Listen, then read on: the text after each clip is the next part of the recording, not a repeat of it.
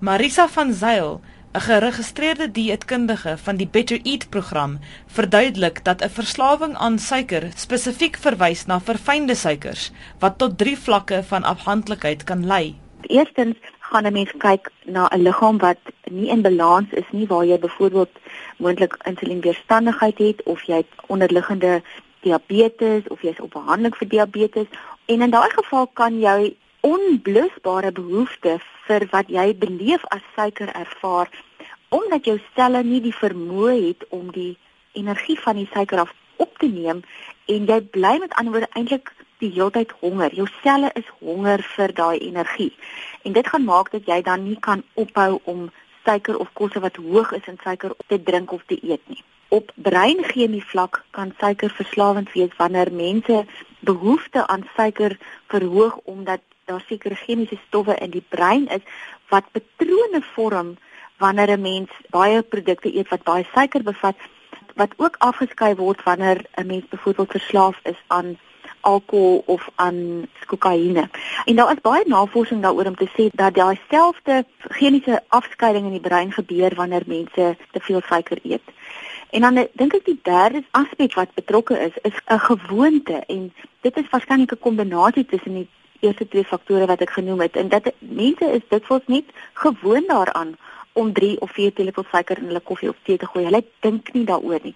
En dit is amper meer half 'n moderne uh, probleem dat mense nie meer gedagte gee aan dit wat hulle eet nie. Hulle eet maar net.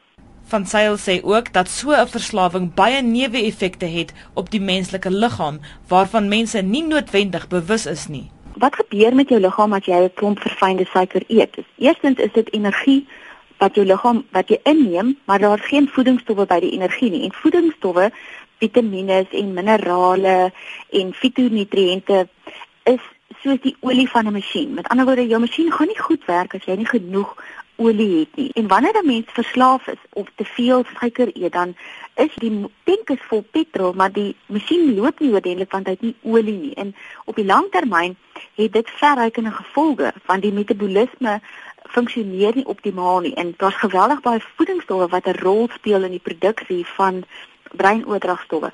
Wanneer 'n mens verslaaf is en jy eet so geweldig baie suiker, dan is jy eintlik besig om jou liggaam te oorlaai. Jy gee hom net energie, maar jy gee nie vir hom die masjinerie om die energie te gebruik nie. En dan het hy geen keuse as om dit byvoorbeeld te stoor as vet nie.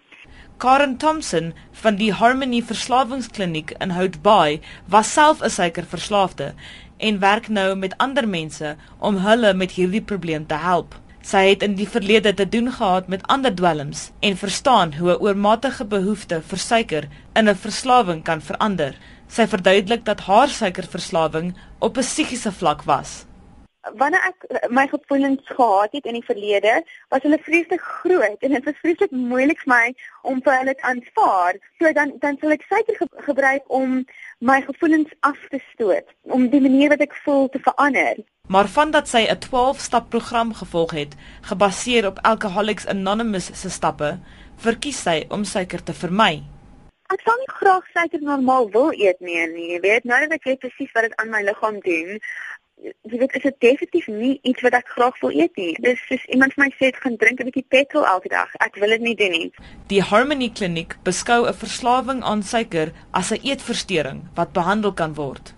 This is an eating disorder. Onder die DSM-5 is dit EDNOS, not otherwise specified. En wat dit is is this an overeating of a binge eating disorder.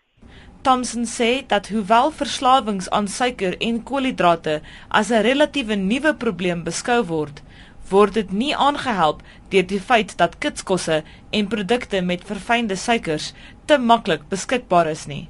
Ek is Marisa Breitenberg in Johannesburg.